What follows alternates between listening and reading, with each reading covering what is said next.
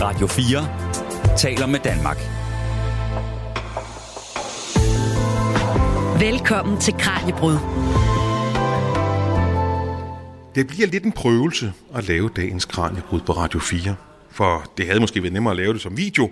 Det bliver et program, der er spækket med billeder og naturlig lyd eller baggrundslyd er der ikke så meget af. Der er måske nogle turister i baggrunden eller en enkelt solsortister her.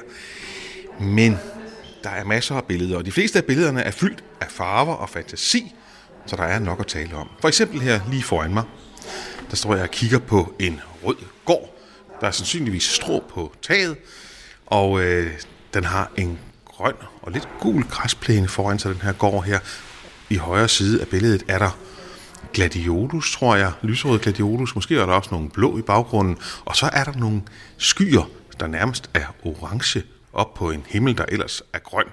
Så der er masser af farver. Måske også nogle farver øh, nogle steder, hvor man ikke normalt ville tænke, at, øh, at de hører hjemme. Altså, en himmel plejer at være blå, men den her himmel er altså, den er grønlig, vil jeg sige. Og nederst i højre hjørne på det her billede, som jeg kan se, der står der E0. Anne Blond, jeg tror, at de fleste kunstinteresserede kender Emil Nolde, men for dem, der ikke er bit af en gal gang oliemaling, så kniver det måske mere. Hvorfor er Emil Nolde interessant? Det var fordi, han var så ekstrem et komplekst menneske, og lavede så ekstrem en kompleks kunst, som på en gang var let at afkode, øh, meget moderne, men også rigtig svært tilgængelig. Vi må se, om vi så kan få Emil Noldes farver, motiver og fantasi ud af højtaleren i dag. Vi gør i hvert fald et helhjertet forsøg.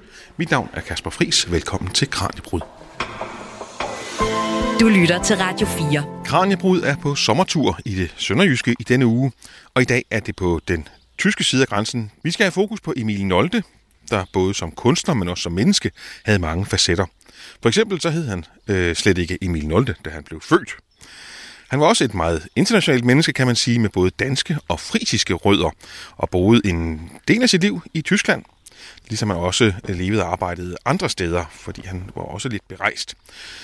Og så er der også den historie, som en del måske har hørt om, nemlig at Nolde var nazist, men hvad og hvor meget er der egentlig i den historie?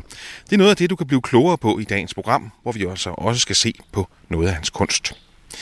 Jeg er sammen med kunst- og designhistorikeren Anne Blond, der er projektleder ved Foreningen til etablering af et museum for Hans J. Veners møbelkunst, og Anne var også så god at hjælpe os forleden, hvor det netop handlede om Vener i Kranjebrud. Men i dag er hun altså her, fordi hun er også bestyrelsesmedlem ved Nolde Museet i Sebyl, Søbøl, små 500 meter syd for grænsen. Det er et lidt fugtigt område, det her. Det er præget af afvandingskanaler, åløb og søer, men det er også et meget smukt område, hvor Emil Nolde boede de sidste godt 30 år af sit liv i det hus, der i dag er en del af museet til og om ham. Anne Blond, hvorfor boede han herude i det altså lidt isolerede marskland? Lang, lang historie. Han var født i en lille landsby, der hed Nolde, som ligger øst for Tønder. Øhm, hvor han var født ind i en bondefamilie, øh, hvor han ret hurtigt ønskede sig at blive fri kunstner, altså billedkunstner, vil man sige i dag, hvilket faren selvfølgelig ikke synes så meget om. Øh, så han kom i lære som billedskærer, og senere tegnelærer, og blev sådan frigjort efterhånden. Øh, men han havde en meget, meget stærk tilknytning til det her sted. Både som bondesøn, altså hvor, du, hvor jorden er ret vigtig, øh, men han følte sig også knyttet til landskabet, og til øh, øh, den der ensomhed, der måske også kunne være i at bo så langt ude. Øh, så, øh, men han boede så selvfølgelig ikke kun her. Han boede i vintrene, der havde han en lejlighed i Berlin, hvor han øh, arbejdede og boede med sin kone Ada. Og om sommeren så tog han tilbage enten til, han boede på Als i en periode, og så boede han på en øh, gård, der hed Udenvarf i det nuværende Sønderjylland, øh, tæt ved Aventoft. Og så boede han, købte han det her sted, Sebøl, som jo så ligger i det nuværende Tyskland. Øh, og det er alt sammen herude ved Vestkysten, og jeg følte han sig allerbedst tilpas. Men det er jo altså en lille smule isoleret, som du også selv siger. Ja. Øh, for eksempel også museet her. Altså, man skal parkere 200 meter fra selve museet, og så skal man spacere af en sti herud til, hvor der er en, en, en stor, fin entrébygning med billetsalg, og så er der jo også det hus, som øh, Emil Nolde og hans kone Ada boede i. Men der er ikke nogen vej sådan lige herhen til. Nej. Nej, han kunne, han kunne godt lide den der afsondrethed, og han, øh, han opsøgte det faktisk også øh, selv. Altså han var, han var egentlig glad for at have boet på Udenvarf, men var irriteret over de, øh, hvad skal man sige, den ændring af landskabet, som danskerne kom med. Øh, de havde en plan om at afdræne og lave, altså, lave landskabet om, øh, og han havde sin egen plan for det, øh, som han ikke fik igennem. så han så sig om efter et nyt sted, hvor han ligesom kunne være øh, alene og i pagt med naturen, og fandt så det her Warft, som det jo hedder på, på tysk, eller værft på dansk, som er sådan en lille forhøjning i landskabet, en lille bakke i landskabet, som øh, afsondrer fra, at, øh, at huset bliver oversvømmet, kan man sige. Det er sådan en, øh, en gammel foranstaltning. Men nu har, kalder vi ham altså Emil Nolde, mm. hvor det kalder han sig også selv, mm. i hvert fald på et tidspunkt i hans liv. Men han var født med et andet navn. Han var født med det meget, meget danske navn Hansen. Emil Hansen. Og øh, det havde han faktisk helt op til han blev i midten af 30'erne, hvor han kom til København, mødte Ada, og efter halvandet års tid som kærester forlovet, øh, kurtiserende, blev de gift, og i den anledning, der tog han navneforandring til Nolde. Og Nolde er hans lille, øh, den landsby, han stammer fra, og den eksisterer faktisk den dag i dag. Hvorhen? Jamen øst for, øst for Tønder. Øst for Tønder på vej øh, mod, kan man sige, Tinglev Sønderborg, den vej. Ikke ret langt udefra. Øh, en 10-12-15 km uden for, øst for Tønder. Men hvorfor var Hansen ikke godt nok? Jamen, allerede på det tidspunkt, der havde han jo også sådan en spirende interesse for, eller øh, fornemmelse af, at han var et kommende geni, tror jeg. og øh, som sådan, så, øh, så må man også godt øh, stå lidt ud af mængden. Også med sit navn. Sådan har jeg i hvert fald på fornemmelsen, at han tænkte. Så det var virkelig en PR? en eller anden form, ja. Ja, absolut. Og det knyttede ham jo også endnu stærkere til det her område, at han tog navn efter den hjemstavn, han kom fra. Men hvor kommer så den kunstneriske åre fra? Hvor lærte man det som bundedreng på det tidspunkt? Altså, du, du får jo en, et lille fli af det i skolen. Og øh, jeg tror også, at han har været opsøgende omkring øh, øh, biblioteker og bøger. Og så er der selvfølgelig en på et tidspunkt, der har sagt til ham, at det her det er du dygtig til. Og, og når du har så stort et talent, som Nolde har, jamen, så tror jeg ikke, man kan undgå at støde ind i det selv på et tidspunkt. Og føle, her er mit kald. Øhm, og det er også sket med Nolde. Er det noget, man kan se inde på museet her? Altså noget af hans tidlige kunst, eller, eller hvornår begynder man at kunne, kunne se hans kunst? Han er faktisk en meget late bloomer, fordi han, fordi han jo blev tvunget til at gå en anden vej, kan man sige. Eller måske ikke tvunget, men han, var, han, følte, at han følte, at han måtte gå en vej, som også passede familien. Øhm, og øhm, senere bliver han jo, altså han er jo en fattig som en kirkerotte på et tidspunkt, ikke? Øh, i starten af sin såkaldte karriere. Øhm, og øh, må arbejde som som underviser i tegning i mange tyske byer, og ender også i Schweiz øh, som underviser. Så han er jo, altså, han er jo i starten af 30'erne, øh, da han for alvor siger, nu lægger jeg alt tvunget arbejde fra mig, og så bliver jeg kunstner på fuld tid. Altså han var altså flere steder her omkring i det sønderjyske, sydslesvigske, og han var også flere steder øh, rundt i Tyskland, endda helt i Schweiz, hvor han arbejdede. Men han var også længere væk. Ja, og han var selvfølgelig også i London og i Italien og i Frankrig og i København og alle mulige steder. Men han, han tog også på en, en, en form for ekspeditionsrejse øh, til øh, tysk Papua Ny Guinea over i øh, Sydøstasien, må det være, øh, som gik over både Moskva, Korea, Japan, og så ender han der. Og han vil gerne med, øhm, fordi han havde jo helt grundlæggende sådan en, en, han følte sådan en urkraft i sig. Og det her med, øhm, hvordan lever øh, mennesker, som ikke har mødt civilisationen endnu, øhm, hvad, hvad, hvad, altså, hvordan ser de ud? Hvordan opfører de sig? Øh, hvilke ritualer har de? Han elskede alle de der myter og savn og legender, var ude på at finde ud af alle de her ting. Øh, og han tog sin svagelige kone af der med, og det var et, altså noget af en rejse, som, som tog over et år. Hvornår er vi i tid, skal vi lige være med på? Vi er lige før øh, udbruddet af Første Verdenskrig, altså i 13. Og han må drage hjem, fordi Første Verdenskrig bryder ud, altså i 1914. Maler han der? Er der nogle billeder, vi kan se herinde lidt senere?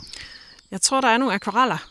Så vidt jeg ved, malede han ikke i olie øh, på stederne. Han malede, han tog tegnede skitser, og han malede akvareller, som han kunne tage med hjem. Og nogle af skitserne blev senere malet op i olie. Men når han var så international og rejste meget, og også flyttede lidt på kryds og tværs af den grænse, vi kender i dag. Mm. Altså, var han dansker, eller tysker, eller friser, eller hvad var han egentlig? Ja, det, det, det er jo et fantastisk komplekst spørgsmål. Og der ligger meget af hans eneart som, som kunstner, synes jeg. Han var jo født i Tyskland. 1867 var det område, han var født i, jo netop blevet tysk igen. Og vi kender det som dansk i dag. Og vi kender det som dansk i dag, ja. Men vi skulle jo bare tre år før hans fødsel, så var han jo egentlig blevet født i Danmark. Det var i 1864, øh, og det var først der, vi mister området til det, der i dag er Tyskland. Jeg mener, at hans forældre var en smule tysk sindede, men han talte sønderjysk. Og øhm, han kunne tale sønderjysk, han kunne også tale tysk jo, selvfølgelig, og kommer jo også i tysk skole. Øhm, men han har hele tiden den der fornemmelse af, tror jeg, at han vakler mellem det her, den tyske kultur, og så det her dansk-tyske, øhm, den dansk-tyske identitet. Da Sønderjylland igen bliver dansk i 1920, i genforening ved genforening i 1920, bor han i et område, der bliver dansk. Og det vil sige, at han får også dansk pas. Og det pas beholder han resten af livet. Så teknisk set er han de sidste øh, 36 år af sit liv teknisk set dansker. Men han er jo tysk. Han føler, at han tilhører en tysk kultur, en tysk-nordisk kultur, kan man sige. Fordi der er jo, det, Tyskland er jo et stort område, og der er ja, formodentlig også tyskere, der føler, at de mere tilhører et centraleuropæisk identitet. Men, men Nolde mente, at han tilhørte en tysk-nordisk identitet. Lad os prøve at gå lidt videre her i området ved Nolde Museet i Sebyl, øh, der, hvor der både er den her øh, fine indgangsbygning, som vi er gået ind af, og der er også øh, Noldes hus, det han boede i. Det går vi først hen til lidt senere. Nu skal vi først se Noldes have. Du lytter til Kranjebrud på Radio 4. Kranjebrud er på museumsbesøg i denne her uge. Hver eneste dag besøger vi et museum i området omkring den dansk-tyske grænse. Og i dag er vi altså i Sebyl, lige syd for grænsen, hvor vi besøger Emil Nolde Museet. Kunstmaleren, som boede ude i marsken på en forhøjning, et såkaldt værft, hvor han havde et fint hus. Og nede for foden af det hus havde han den mest fantastiske have, som vi befinder os i nu. Der er et farveflor af blomster. Der er lilla, der er gule, der er blå, der er røde, der er hvide. Der er alle mulige forskellige farver blomster. Og de er indrettet i nogle bede, som ja, haven er vel nærmest formet som en eller anden form for halvmåne, kan man sige. Og inde i halvmånen er der alle mulige forskellige bede, nærmest som en labyrint, og så alligevel ikke en labyrint. Der er også selvfølgelig smukke træer, der er også nogle græsplæner, og der er bærbuske. Og i det hele taget er det en have, som jamen, stort set ingen anden. Hvorfor er der sådan en have ved Emil Noldes hus? Emil Noldes kunst afspejler en trang til at udtrykke sig selv, til at udtrykke sine følelser gennem farver, til at finde ned i en, til, ind i en livskraft, ind i det helt grundlæggende øh, i mennesker og i naturen. Og øh, en af de ting, som han ikke kunne undvære efter at have boet på Als, hvor der var en meget, meget smuk have, det var en have fuld af blomster, som han kunne betragte som sit eget paradis, øh, som sit eget Edens have, hvor han kunne plante blomsterfrø og se alle, alle de skønne farver, der kom ud af det, øh, som han brugte. Og jeg vil meget gerne lige prøve at citere her, fordi det er et mm, fint citat. Jeg elsker de blomstrende farver i blomsterne og renheden i dem. Det var inspirerende for ham. Og han, øh, man kender også Nolde for hans rigtig, rigtig mange øh, blomstermotiver. Et af hans totalt faste motivgrupper, det var blomsterne. Jeg vil sige, jeg kan også godt forstå, at han blev inspireret af den her fantastiske have. Som jeg siger, at jeg har ikke set ret mange haver, der er lige så smukke som den her. Så den lige den ud for de der små 100 år siden, da de boede her, ham og hans kone? det tror jeg mere eller mindre. At Jeg aner jo ikke øh, lige, hvad der har stået bedene på det, på det tidspunkt, men der har været blomster i mange farver. Det er der ingen tvivl om. Og skitsen på, hvordan stisystemerne ligger, har i hvert fald været her, fordi de danner et E og et A, øh, så det står for Emil og Ada, og de er på denne her måde vævet sammen i denne her have, så haven også bliver et, et, et øh, symbol på deres kærlighed. Og det var det, jeg kaldte en labyrint, og der er faktisk en mening med galskaben. Det er der, det er der nemlig. Han sagde det ikke til nogen, og det var ikke sådan et, øh, et markedsføringsstunt, at nu havde han anlagt en have ud fra øh, sig selv og sin kone. Overhovedet ikke. Men jeg tror selv, han nød at kigge ud, altså op fra huset og kigge ned på haven her, øhm, og nød at se øhm, sit eget og sin kones forbogstaver. Og jeg kan jo godt se, altså, at haven er jo altså, mægtig smuk lige nu her. Men det har vel også set halvmistrøstigt ud om vinteren i virkeligheden, for så falder alle de her stavter jo sammen. Ja, lige netop. Og det har en, en frygtelig god pointe, øh, som afspejler øh, Nolde og Adders livsmønster, fordi øh, halvdelen af tiden boede de i en lejlighed i Berlin, og halvdelen af tiden boede de her i Sebøl, eller på Udenvarf i Sønderjylland, eller på Als, øh, hvis man går længere tilbage. Øh, og de ville rigtig gerne være her, når haven den blomstrede. Øh, og der skete noget, og når den døde hen, så tog de væk øh, ind i storebyerne og øh, oplevede en helt anden verden. Så de fik det bedste af de to verdener i virkeligheden, kan man sige. Altså marsklandens øh, frodighed om sommeren, og så måske kulturen om vinteren. Lige nøjagtigt. Haven er altså en lille smule større i dag, end den var, da de flyttede ind her. Mm. Og da de gik i gang med deres haveprojekt, kan man så sige. Mm. Men der er kommet en udvidelse lige over på den anden side af, af stien her. Skal vi prøve at gå derover? Ja, skal vi ikke prøve at gå derover? Ja.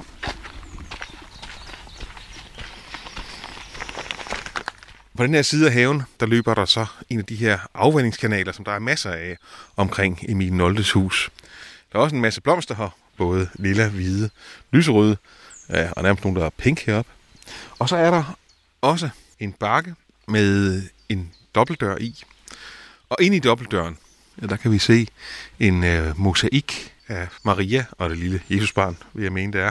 Ja, der er også lagt nogle blomster, for det, det er altså et gravsted for Emil Olde og hans hustru. Ja, de blev begge to stedt til hvile i deres egen have, og blev på den måde en del af deres egen jord igen, og Emil blev en del af sin egen hjemstavn, øh, selv i døden. så nu ligger de her i en lille gravhøj, kan man næsten kalde det. Øhm, der døde først. Hun døde i 1946. Hun var glødende nazist. Det var Emil også.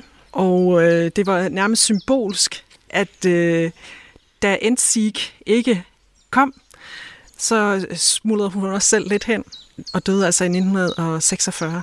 Og Emil dør cirka 10 år senere. Og det her med nazismen, det kommer vi også til at tale mere om øh, senere i programmet. Øhm. Men hvem var Hans Adder? Hun var dansker. Hende havde han mødt, da han øh, i starten af 1900-tallet lejede et øh, atelier i København for at komme lidt tættere på de danske malere, og måske også det, i udvidet omfang de nordiske malere. Og øh, der lærte han øh, blandt andet også den her grønlandsfar, Knud Rasmussen, at kende, som også kendte Ada. Og øh, præstedatter, som havde øh, aspireret til at søge til øh, scenen, altså enten som skuespiller eller som sanger. Så hun havde det her, den her kunstneriske over i sig, og kunne, øh, kunne derfor forstå Nolte på en måde, som nok ikke mange andre kvinder ville have kunnet. Øhm, og familien var der også meget forundret, da hun kom hjem med denne her halvgamle, var han jo egentlig på det tidspunkt, ung Karl, som øh, kom fra det her mærkelige sted, og som var sådan lidt øh, en, en tilbagetrukket, lidt betuttet, tror jeg, øh, kunstnerspire, som jo ikke var, altså, var slået igennem på det her tidspunkt, men som havde rigtig mange ambitioner på sin egen vegne. Altså, han er voksen på det tidspunkt, jo. Ja, ja, han er jo i midten af 30'erne. Hun er en små 10 år yngre. Men de får lov alligevel. Familien, de siger ja, ikke nej eller ja, noget. Nej, fordi de kan se, at de, jeg tror, de kan se, at er der vidderlig øhm, har fundet en, en soulmate, øhm, og hun forstår ham. Og det, øhm, det gør også, at hun kan, hun kan oversætte eller kommunikere det her nye menneske til sin familie også. Men hun bliver jo så aldrig danser eller skuespiller, da de flytter til Marsken. Altså, så er det et andet liv, hun skal have. Nej, der viger hun sit liv til øh, sin mand, fuldt og helt. Hun kommer til at skrive mange af hans breve. Jeg tror, hun var en smule bedre, end han selv var til at, at kommunikere, altså til at skrive. Hun øh, kommer faktisk også nogle gange til at stå og trykke, altså på en trykvalse, hans øh, grafiske værker. Og så er hun også en form for markedsførings-PR-medarbejder. Øh, så hun udbreder det gode budskab, sætter ord på, hvad det er, han kan. Og nu kommer der lige nogle gæster forbi med deres hund. De skal også lige se gravstedet her. Men jeg synes, at det kan indikere både, at han laver en have, der består af stier, der tegner deres bogstaver, og også det, at han laver den her gravhøj i deres have, at altså, han var i hvert fald glad for hende. Ekstrem. Hun var også usædvanligt smuk kvinde. Og man bliver altid glad, når man finder en, der kan forstå en. Også når man er en enspænder, også når man er en kunstner, en spe. Også når man måske har nogle vanvittige idéer, også når man er fortrop for modernismen, som han jo var på mange måder. Øhm, og at, at man finder en, en, en, en ven for livet i sin kone, må jo have været pragtfuldt for ham. Og hun opgiver sig også en hel del for, for hans skyld, jo, Ja, så, og, ja. og gør, hvad hun kan, åbenbart, for at få hjælp ham på vej. Der var ingen tvivl om, hun betragtede sin mand som et geni, altså som en kunstnergeni, som man kunne se op til. De havde den der forestilling, det havde de sådan set også om Hitler, hvis vi nu skal være lidt, lidt negative, han har sagt, eller sådan, gå over i den mere dystre verden. Øhm, altså, de mente også, at Hitler, han var, han var deroppe. Så de havde ikke ret altid. Nej, det havde de ikke. Du lytter til Kranjebrud på Radio 4. Der høres Kørs Mugen, og der høres også Solsorte Sang og Gøens Kukken her ved Sebyl, lige syd for den dansk-tyske grænse, ikke så langt fra Tønder, hvor øh, billedkunstneren Emil Nolde boede en periode af hans liv, og hvor der i dag er et museum, og det er det museum, som vi besøger i dag i øh, Kranjebrud. Huset ligger oppe på en lille bitte bakketop med den fineste udsigt ud over marsken, og huset det er altså en usædvanlig oplevelse.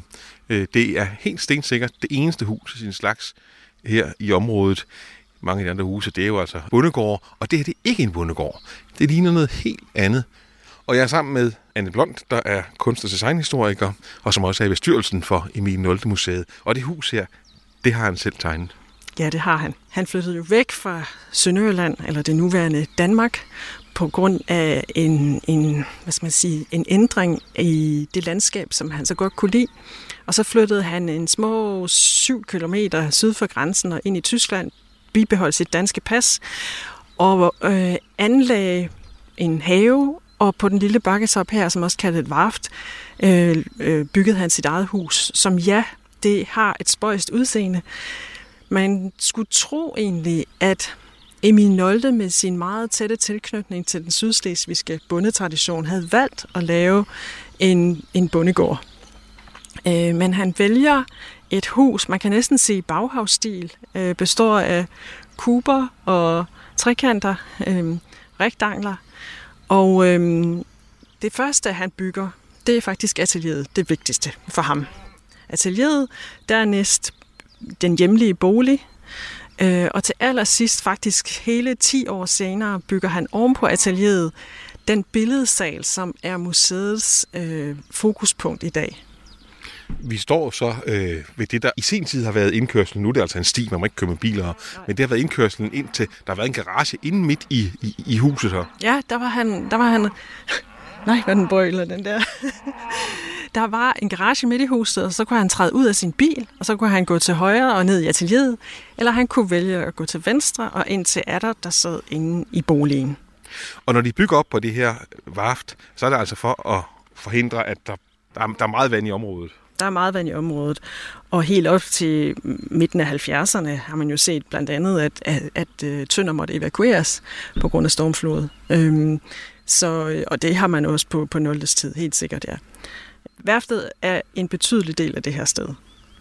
Men det er ikke det eneste. Nolte byggede jo også efter verdenshjørnerne. Og der lagde han, som så mange andre øh, billedende kunstnere, der lagde han sit atelier mod nord. Og øh, det gør man, fordi det giver sådan et roligt og, og jævnt lys dagen lang. Mod syd lagde han spisesalen, spisesal køkken. Øh, mod øst lagde han soveværelset, som han stod op med solen. Og mod vest lagde han øh, stuen, som han havde mest muligt dagslys i løbet af dagen. Så der er tænkt på, på alle ruminddelinger her. Men er det ikke så speciel arkitektur, at der ligefrem er noget, som, som andre måske næsten stræber efter? Det kan man måske godt sige. Altså, det er, det er i hvert fald en arkitektur, der er tænkt meget over. Øhm, men også en arkitektur, jeg tror, han har tænkt allerede på daværende tidspunkt, som jo var omkring slutningen af 20'erne, at, øh, at han på sigt ville have, at huset blev til et sted, hvor han kunne vise offentligheden sin kunst.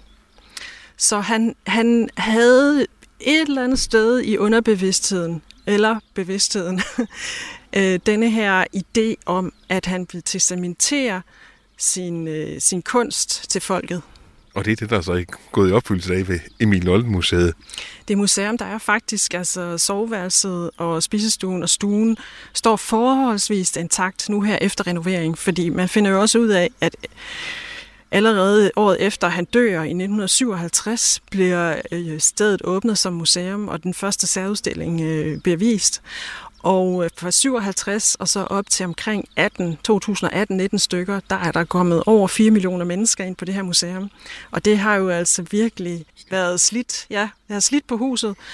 Så øh, da jeg kommer ind i bestyrelsen, der er det første, vi går i gang med, det er at renovere huset fra kælder til kvist og øh, lave en lille bitte smule om på rumfordelingen, som den havde var kommet, altså havde udviklet sig i de forgangne år. Så i dag, der er der totalt optimale klimaforhold, alarmforhold. Man øh, har fået en, en form for elevator ind, så det også er blevet handicapvenligt. Øh, man har fået nogle optimale lysforhold. Taget er nyt. Altså, der er virkelig sket en masse. Mange vinduer har fået sådan en dimst ind, så, så de selv ruller gardinerne ned, når lyset er for skarpt, og jeg ved ikke, altså det er virkelig optimalt, og der er ingen, der kan se det. Ikke en. ikke en. Men det er under neden og i murene, der øh, foregår der en hel masse. Så det er totalt parat til international topkunst af 0. klasse. Hvad koster det? Det må jeg ikke sige, men mange millioner lige om lidt så går vi ind og kigger på, hvad det er, I har fået for de millioner udefra. Der ser det i hvert fald mægtigt fint ud. At taget er nyt, det her kovertag, altså som man kan se, som er grønt og irret, så er der mange detaljer, de også har skulle haft øje for. For eksempel dørene her, de er fint farvede med mønstre, så det er ikke bare sådan en almindelig plastikdør, der er smækket i. Nej, er du alt er lavet af lokale håndværkere fra området øh, i hånden. Og det har taget en evighed, men øh, det er alle pengene værd. Og hvornår var det, det åbnede igen? Det åbnede sidste år i 2022, øh, men det er først nu her i foråret 23, at man har hængt en, øh, en særudstilling ind i bygningen igen. Men huset her, og, og du sagde også, at nogle af hans øh, værker, at de er testamenteret til, til et fond. Ja, altså hvad han selv øh, besad af egne værker, da han døde, er testamenteret til den her fond, øh, som trådte i kraft jamen, næsten dagen efter han var død. Øh, og øh, hans assistent på daværende tidspunkt var blev, blev stiftelsens første direktør og lavede også øh, de første særudstillinger på stedet. Og siden da har det jo været åben for offentligheden. Og øh, i midten af 80'erne runder man det største besøgstal, øh, museet nogensinde har haft, og det var over 100.000 besøgende om året. Øh, og i dag er vi måske nede på omkring et par 60.000 besøgende. Men det er også meget for sådan et lille hus her. Altså, det er virkelig meget. Der, skal, der, der går rigtig mange øh, menneskefødder og, og hænder og hoveder igennem øh, om året. Så det skal være bygget til det. Ja, og den ligger jo ikke lige på hovedstrøget. Altså, så folk skal jo, skal jo hen jo. Altså. Ja, ja. Vi har, vi har lidt bøvl med den, med den, med den lokale bybus, som øh, kommunen her vil til at spare væk. Øh, men det synes vi er noget forfærdeligt noget, fordi øh, så kan folk ikke engang, har de ikke engang den mulighed for at komme herud. Så øh, det håber vi ikke, at øh, kommer til at ske. Hvordan holder man et kunstmuseum så levende? Altså en ting er, at I smukserer bygningen, om man så må sige, så den kan leve i de næste 100 år med. Men stadigvæk, hvordan kan man fortælle den her historie om kunsten, når det ligger, hvor det gør? Ja, det er også en svær øvelse, øh, som vi ofte diskuterer i bestyrelsen. Øh, fordi øh, Nolde har jo også lagt nogle, jeg vil ikke sige restriktioner, men han har jo lagt en ramme for, hvordan det her det skal foregå også. Så øh, vi prøver at vi har et højt branding-niveau, højt branding-budget, og øh, prøver hele tiden at komme ud med ny forskning. Altså den nye forskning er jo basis for alle særudstillinger. Så det er meget, meget vigtigt, at den er pågående øh, og hele tiden fornyer sig. Men ellers så er, det, så har, er der en meget besøgt malerskole for børn, øh, som ligger på et af de andre bondegårde, som han købte. Øh, Hyltoft hedder det. Man kan se det, når man kører ind til stedet her. Hvor, hvor børn kommer og lærer at male, øh, lave akvarel, øh, arbejde i ler. Der er en stor legeplads. Øh, der er en rigtig fin restaurant hernede også nu. Og man har i det hele taget prøvet at modernisere stedet, også med et, øh, en moderne butik øh, og ankomsthal. Men vi kan ikke lave ret meget mere med huset, og vi kan ikke begynde at... Altså, det er svært at begynde også at trække andre kunstnere ind i huset. Det bliver meget få værker, der kan komme, der kan komme ind døre der, og så bliver det ikke helt Noldes hjem længere. Øh, den første gang, hvor Nolde Museet viste en anden kunstner end Nolde, den første og hidtil eneste gang, det var i 2017, hvor jeg øh, arbejdede på Kunstmuseet Tønder, og hvor vi fik en stor Henry Moore-udstilling til Tønder. Og vi spurgte så den daværende leder, som også er leder i dag, Christian Ring, om det ikke var noget at få nogle Henry Moore-skulpturer til, til Nolde også. Og så fik man fire middelstore Henry Moore-skulpturer ind i haven og stå.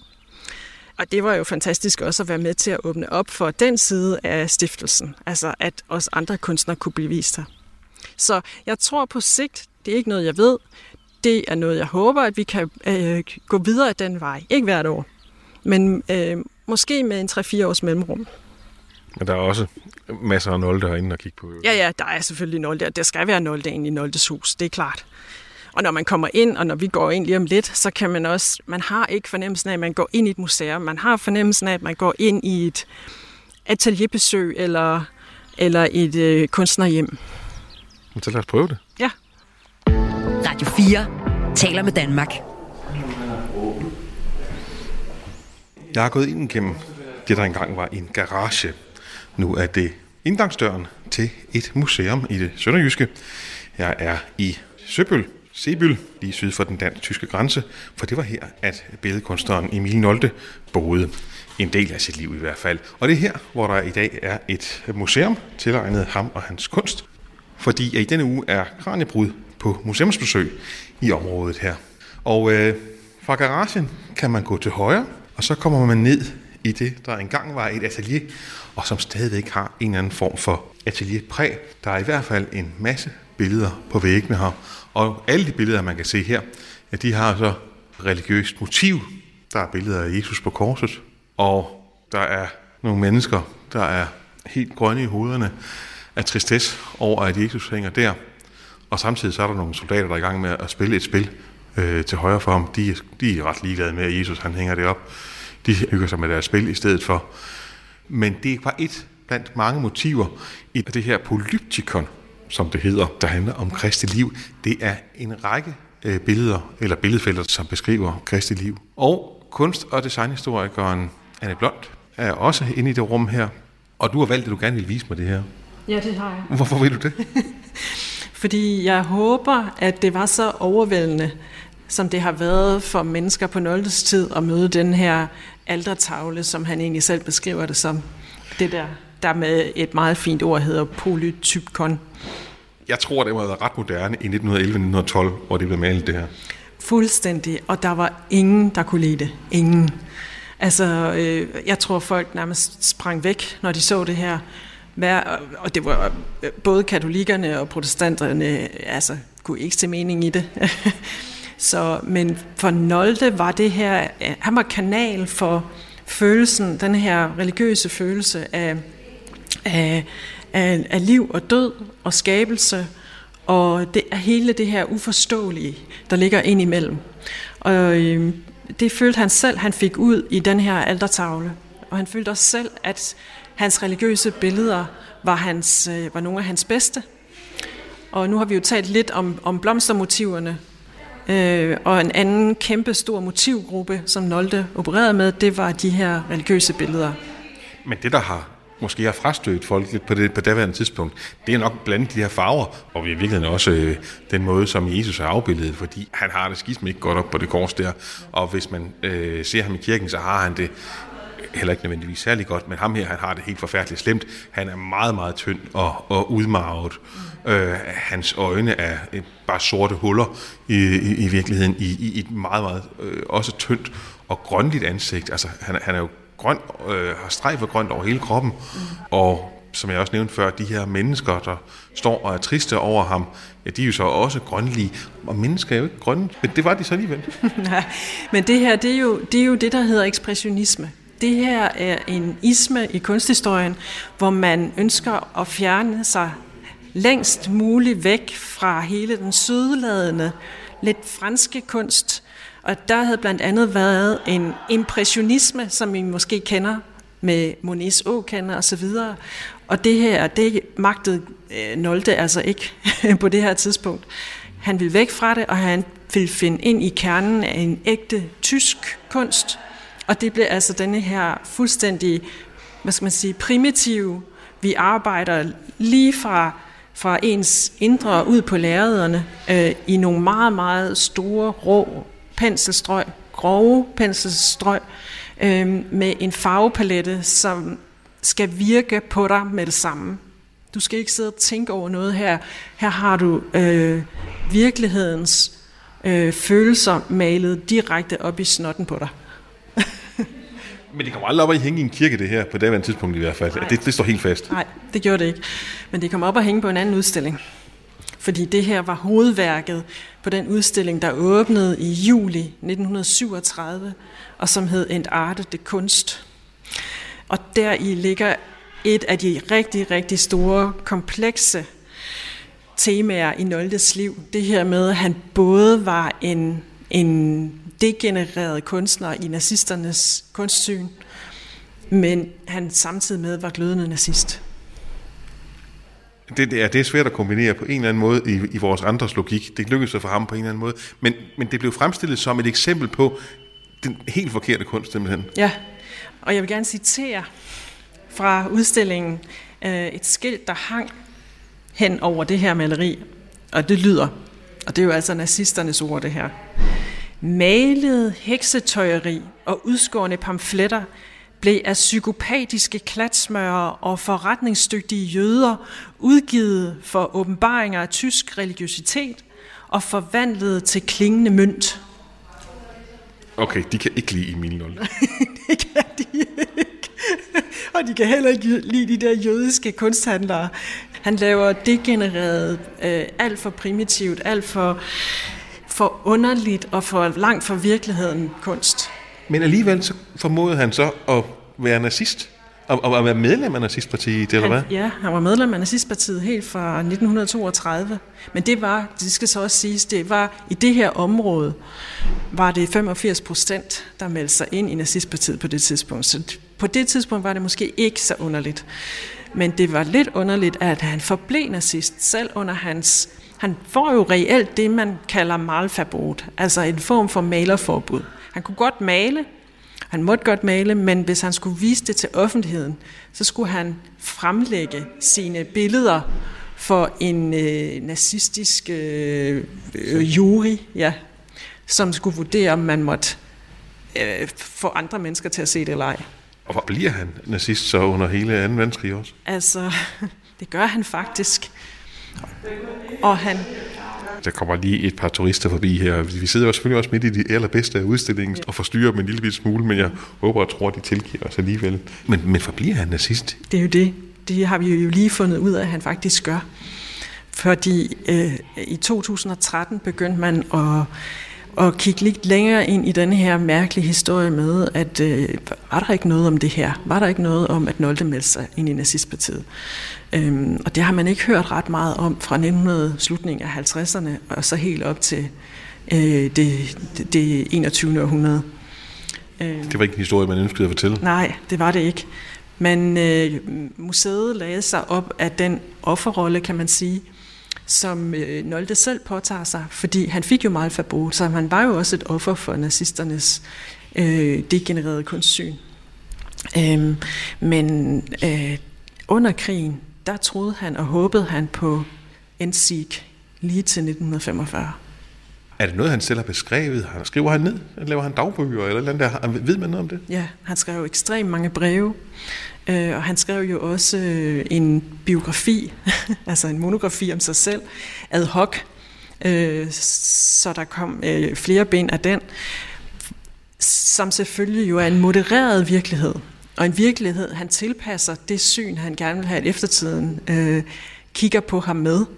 Øh, så det kan vi ikke helt tage som en gyldig kilde, men vi kan tage hans breve, og vi kan også tage han, han skrev sågar et brev til Hitler på et tidspunkt. Man aner ikke, om Hitler har læst det, det tror jeg ikke, han har. Men, øh, men han prøvede at forklare sig, og han prøvede at forklare, at han faktisk var... Han prøvede at finde ind til det ægte tyske, øh, ligesom nazismen gjorde det. Øh, og han faktisk var øh, ja, en politisk, af den politiske overbevisning, at nazismen skulle sejre. Øhm, så... øhm, og efter 45 øh, prøver han så at vende denne her myte, sådan at han i stedet for at blive set på som nazist, blev set på som offer for nazismen. Og det var jo ekstremt klogt gjort af Nolte. Ekstrem. Og kunne leve på den også. Og som sagt, så har, så har vi forsøgt nu fra Nolte Stiftungs side at afmystificere det her, og vende denne her, øh, afmontere den her offerrolle, han har påtaget sig øh, og dermed åbne arkiverne, lægge penge til side til, at man kunne ansætte en, øh, et par forskere øh, i en overrække.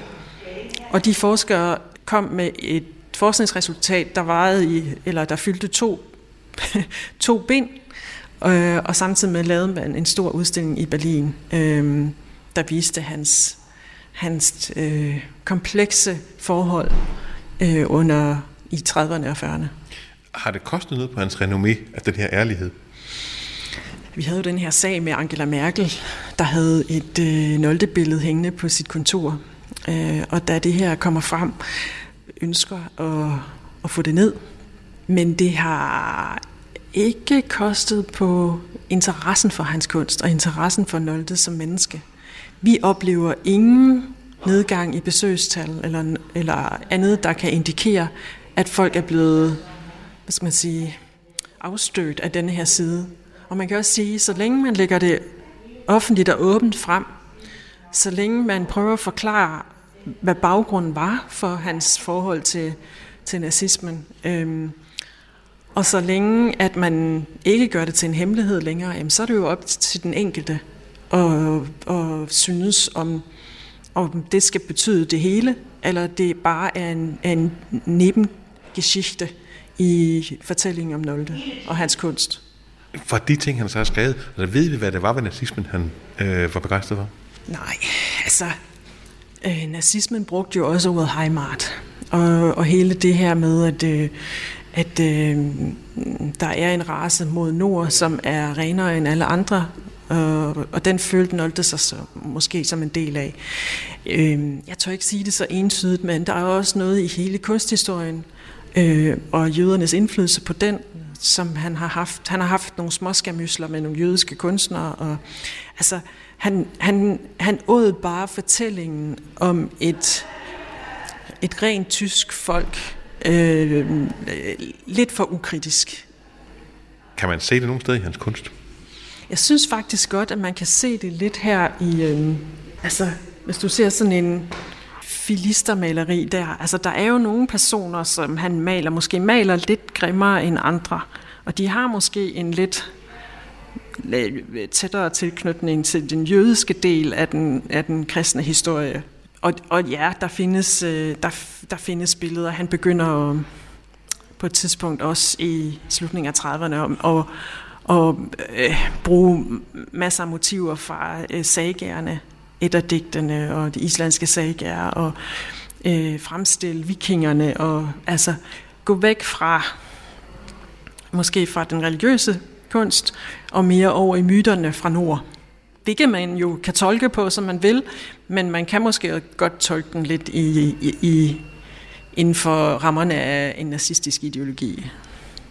Så selvom hans motiver, måske nogle af dem i hvert fald, peger i en eller anden retning, som de fleste af os ikke bryder os om, så er det stadigvæk god kunst. Absolut. Absolut. Nolde var jo en del af hele det der store paradigmeskifte i kunsten, der skete omkring 1906-7 stykker, hvor både kubismen og ekspressionismen finder vej ind i kunsthistorien, og hvor man gør oprør mod en, en akademiseret kunst, en skolet kunst, som man kunne øh, lære, når bare man fik et, en ordentlig undervisning på akademierne. En kunst, som øh, brugte øh, perspektivet øh, og en komposition, hvor man kunne se langt ind i et rum, der blev, der blev formidlet på en billedflade, der egentlig er todimensionelt, men så blev tredimensionelt. Og øh, det skulle man væk fra, mente de her kunstnere. Man skulle finde ind til en helt ny verden. Jeg tror faktisk også, at øh, altså, på et større plan, der er Første Verdenskrig jo også sådan en form for renselse. Øh, at, øh, at der kommer den her kæmpe store renselse, øh, både i kunsten, men også øh, inden, for, inden for politik. Så ja, Nolde var absolut en af dem, der drev kunsten frem på det her tidspunkt og frem, vil jeg så sige, ind i en helt ny tidsalder. Du lytter til Kranjebrud på Radio 4. Vi skal til at runde dagens Kranjebrud af.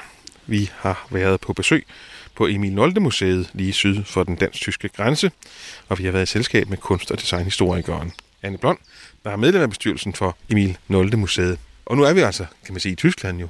Hvem betaler egentlig for, at der er sådan et et fint museum ude midt i masken? Jamen, det gør museet selv. Altså, størstedelen af indtægterne kommer fra øh, entré, cafédrift, butikken, rundvisninger, anden form for formidling, øh, selskaber, øh, ja.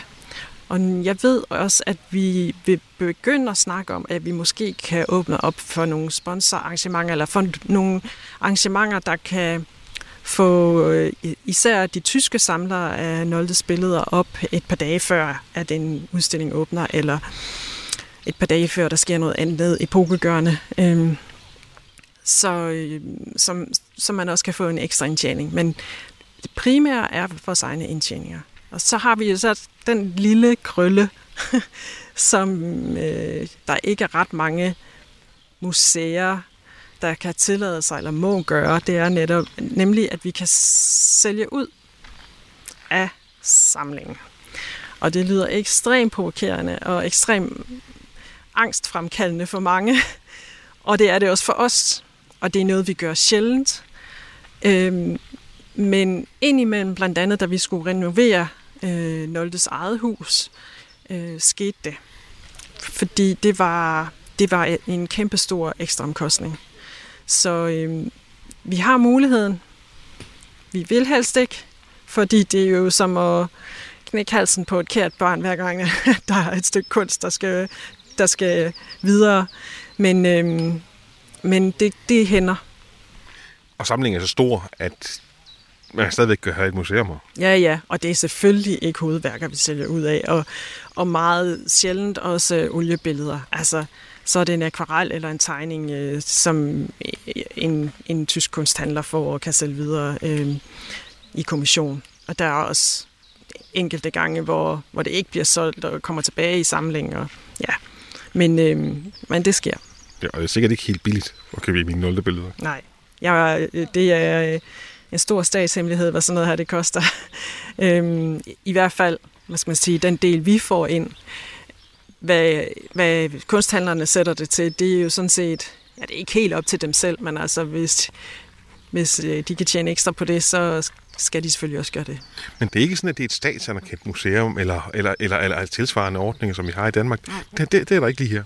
Det her er en fuldstændig privat stiftelse, eller en fond, kan man sige, som driver, øh, som driver museet, ja. Og som får 60.000 gæster om året cirka. Ja. Selv 67 år efter 0. døde, så er der stadig folk, der synes, han er interessant. Ja, det er ikke vildt. Det er helt vildt, og jeg synes, det er... Og det er jo også en af de ting, som gør ham helt enestående, at vi løber aldrig tør for nye historier, eller temaer, eller, eller ting, nye ting, vi kan formidle om ham. Og jeg tror, jeg er sikker på, at Nolde Museet også ligger her om 67 år endnu. Anne Blond, tusind tak, fordi du var med til øh, det her kraniebrud. Du var også med forleden dag, og nu er du med igen. Tusind tak skal du have. Selv tak. Det var dejligt at, høre, at være med. Kraniebrud er slut for i dag. Mit navn er Kasper Fris. Tusind tak, fordi du lyttede med. Musik er en hurtig genvej til at komme ind bag facaden. Hvis man skal sige essensen af, hvem er jeg, så er det de samme. Ind bag den offentlige person. De synger også irriterende godt. I Portrætalbum bruger Anders Bøtter musikken til at vise nye sider af sine gæster. Gita Nørby, Tim Christensen, Sofie Gråbøl, Anders Akker, Allan Olsen. Både dem, du er fan af, og dem, du ikke troede, du havde noget til fælles med. Velkommen til Portrætalbum. Lyt til Portrætalbum i Radio 4's app, eller der, hvor du lytter til podcast.